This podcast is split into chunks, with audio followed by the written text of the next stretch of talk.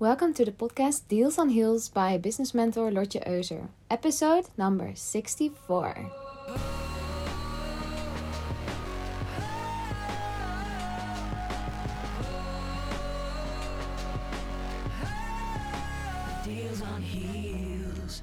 Welcome to my very, very first episode in English. Woo! This is pretty exciting to me, if I'm being honest. But I think this decision to go do all of my episodes in English is just perfect for me. Because, you know, I already knew that a lot of my episodes attract a lot of people around the world because I use a lot of English terms in my post- podcast titles. Um, so people would click on the title, start the episode, and then realize that I speak Dutch, they would take off. So I was, I was like, I need to change this. I need to change the language of my podcast because I want to increase my reach and make my episodes available for everybody to listen to. And I already had switched all of my social media channels to English before, so it was only a matter of time to change the language of this, this podcast from Dutch to English as well. So if you don't know me yet, hello. I love that you're listening. My name is Lotje Euser. I'm a business mentor for entrepreneurs and I live in the Netherlands. My biggest passion is sales. Oh my god, I can't stop talking about it. I know a lot about it. I have so much experience in this area, and I've been selling since I was a little girl. I think the first thing I ever sold were like postcards and stamps. I think I was at the age of nine, I was just a little child. I was just a little girl. I had to go door knocking to sell uh, the postcards and the stamps, and I totally loved it. I think it was for charity as well, I believe. And I had so much fun doing that.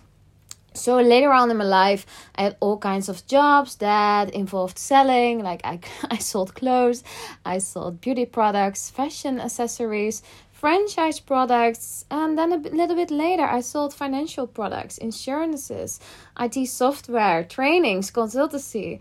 And I was so passionate about the products that I sold. I even sold stuff on dates.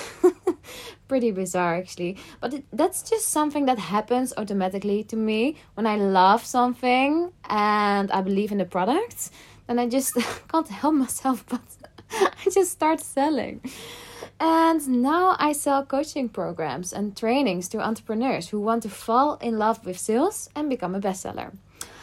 But what you also need to know about me is that I teach feminine sales. And you're probably wondering, what the heck is feminine sales? Something for women, possibly?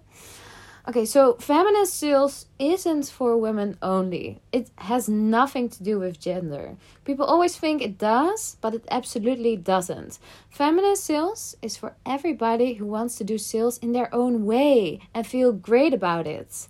And PS, so you know, I also have some male coaching clients as well who I help with sales. But feminine sales means that you find a way of doing sales that matches with who you are, with your identity and your core values, that feels like fun, that feels like you want to do it every day because you love it so much. And it's a form of sales that will give you the best possible results without actually draining your energy. I know there are a lot of coaches teaching sales in a way that's yeah, kind of feels really exhausting. I don't like that way. That's definitely not how I roll. I've been in a burnout myself. So, um energy is probably everything for me. So I really stay aware of how my own clients use their energy as well to make sure that they don't burn out themselves. And if you apply feminine sales correctly, it doesn't drain your energy. It actually gives you a lot of energy. So you are able to sell on a consistent and frequent basis. And to be very clear with you, Feminine sales has nothing to do with pushy sales or fear based or yo bro marketing because those are forms of sales, of trying to get sales in, that I really don't teach or believe in because I see sales as an empowered way to help people, not to use people's own fears against them because that doesn't feel good to me and it doesn't fit to my core values, such as truthfulness and transparency. And I believe anyone can become great at sales. It's definitely not some kind of special gift you have to have. It's not a God's given gift, it's a skill I can help you develop. And I didn't know when I just started this coaching business, but this is what I realized when I became a coach that sales is still a big obstacle for a lot of entrepreneurs, even a lot of entrepreneurs who already crossed millions in their businesses. And I was like, why? Why why don't you like sales? Sales is amazing. Sales helps you to make more money and to grow your business. Without sales no money. So when I started my coaching business, I quickly shifted my niche from marketing to sales, and yeah, I think it was one of my best moves ever. While marketing still stays an important piece of the pie, the sales piece will always remain, yeah, much bigger. so I really believe that sales for you as an entrepreneur should definitely be your core focus.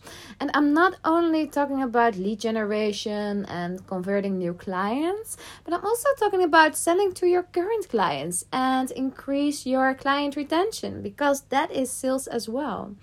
And a problem that a lot of entrepreneurs have with sales is that they just don't like it. They feel icky about it. They feel resistant. Like they have to pretend that they're this slicky sales guy like you find in car dealer shops, you know? And a lot of entrepreneurs feel like they need to do sales. And of course, they need to do sales because they need money coming in. But when you feel you must do something, well, it makes just the fun disappear and you start to sabotage yourself in order not to sell because there are so many other things that you probably like more, right? A lot of entrepreneurs rather spend their time on other things in their businesses because sales isn't necessarily their expertise or yeah they just don't know how to sell or when to sell or what to do with it. And maybe you feel the same way. Maybe you avoid the sales in your business as well and that blocks your growth. But the truth is you can't run your business without sales because yeah without sales no money is coming in.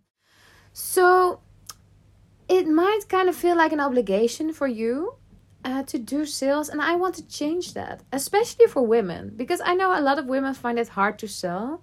Well i actually believe that yeah women have a lot of natural skills that are super beneficial when you want to sell your products. The way i teach feminine sales is to help you use your natural talents and gifts in the sales processes and the strategies that you develop. And I use a lot of insights from human design as well to discover where your natural talents lie and how you can use them in the way you sell. Because I'm a human design expert as well. I'm not sure if you heard of it. Uh, it's a little bit spiritual, you could call it like that. I'm also pretty spiritual myself, and I believe that everything is energy. But I'm also pretty down to earth when it comes to putting in the work and challenging the people that I coach. Because I know that you can't manifest your dreams without taking action. You need to get the work done. And furthermore, what you also have to know is that I have one rule in my business and one rule in sales. And if it's no fun, I'm not doing it and I'm not teaching it as well. And I know that if I can help the entrepreneurs that I coach find a way of doing sales that not feels like an obligation but feels like pleasure feels like fun that that shifts the whole game for them and when it shifts the game sales begins to feel effortless and when they see what results they get by getting really into the sales game yeah it's just magic. And yeah to see them you know experiencing that and experiencing the power and fun of sales yeah that's really amazing because that will really help you to get to six figures as well in your business. And yeah i, I still believe that's pretty amazing. Um, and that's why i love sales coaching that much and why i love feminine sales that much. Because when sales begins to feel fun and effortless, then everything starts to flow more easily in your business. So, I hope that you have a better idea of what I do as a business coach and what feminine sales is and how I help my own clients to become bestsellers. And if you have any questions or ideas or topics for my podcast, well, feel free to DM me on LinkedIn or send me a DM on Instagram. And of course, don't forget to su- subscribe and hopefully you will listen again to my next episode next time. All right, have an amazing day. Bye bye.